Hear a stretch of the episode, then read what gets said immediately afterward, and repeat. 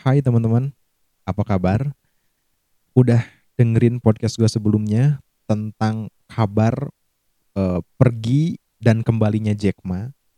Nah, di sana eh, gue ber, eh, apa membacakan beberapa berita yang eh, cukup seru kalau gue lihat ya. Soalnya Jack Ma ini bukan sosok yang santuy ya sebenarnya. Dia itu orang yang eh, sangat semangat, kemudian dia itu orang yang selalu melihat optimisme ke depan gitu loh. Tapi tiba-tiba Jack Ma menghilang dan kembali dengan dengan gagasan apa ya, dengan gaya yang lebih santai, yang lebih tidak agresif gitu ya. Eh, ya gitu-gitulah. Nah, Jack Ma ini adalah salah satu yang menginspirasi gua gitu waktu kuliah gue dikasih waktu kuliah gue mendapat kesempatan untuk memimpin sebuah organisasi di kampus. Nah, ada satu hal yang selalu Jack Ma tekankan ke orang-orang atau ke stafnya, ke bawahannya di Alibaba. Dia itu di Alibaba itu punya satu podium dan setiap pagi setiap pagi mereka itu kumpul di sebuah ruangan besar dan Jack Ma datang ke atas podium, ke atas mimbar dan mengucapkan kata-kata yang semangat, kata-kata yang sangat powerful gitu loh. Untuk memotivasi orang-orang atau karyawan di Alibaba Corporation waktu itu. Nah, ini ini menjadi inspirasi gue kenapa? Karena gue lihat nih pemimpin-pemimpin besar ternyata punya ciri khas yang hampir mirip dalam hal komunikasi. Jadi mereka itu selalu punya cara bagaimana berkomunikasi dengan timnya.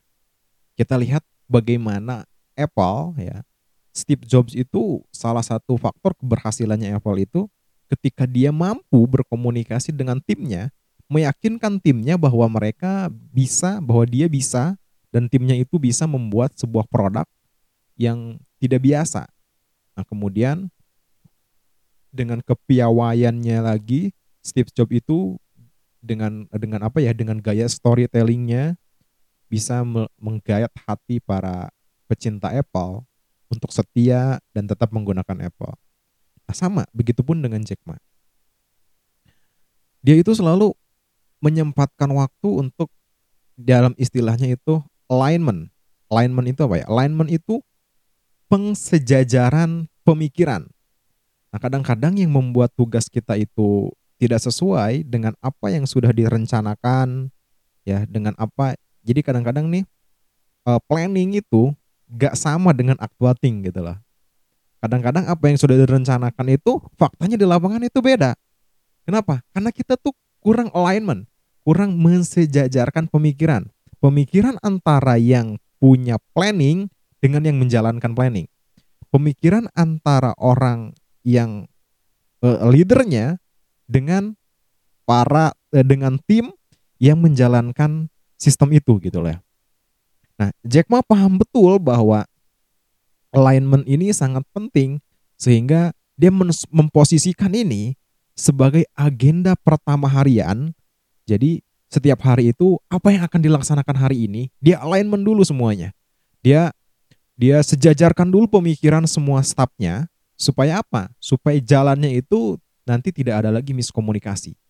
Tidak ada lagi uh, yang blow on gitu ya. Yang yang yang aduh yang uh, ini gimana, itu gimana gitu. Nggak ada lagi.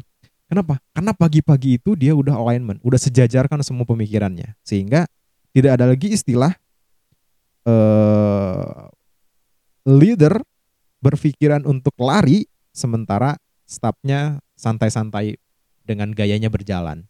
Gak ada. Kenapa? Karena dari awal sudah di alignment, sudah disejajarkan pemikirannya bahwa hari ini kita akan lari maraton misalkan.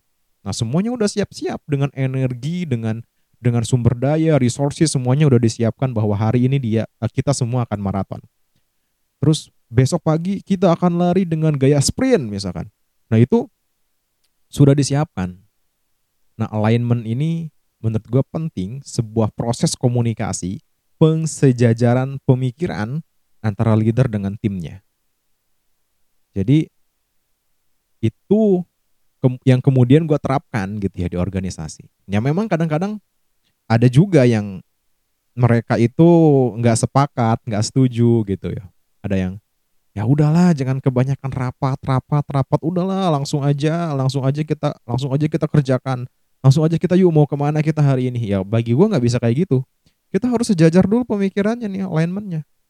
Nah, alhamdulillah dengan menerapkan ilmu ya yang gue baca, yang gue lihat, yang gue perhatikan gitu ya dari pemimpin-pemimpin besar, salah satunya adalah Jack Ma yang dan Steve Jobs juga bahwa ternyata memimpin itu salah satunya butuh alignment, butuh pensejajaran pemikiran.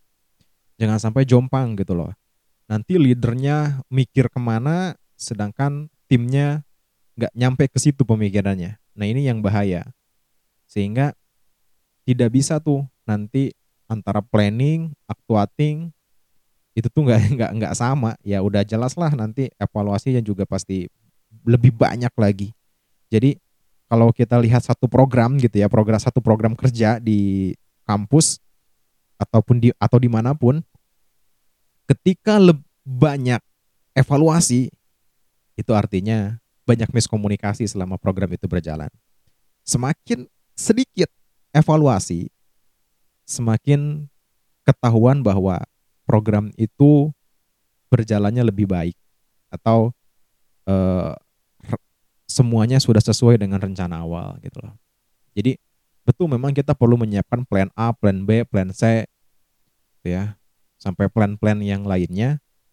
Tapi akan lebih baik jika kita fokus mensejajarkan pikiran, kemudian mendisiplinkan pikiran. Nah, ini juga penting.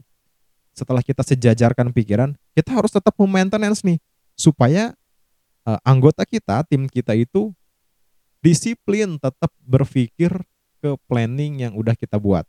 Ke planning itu.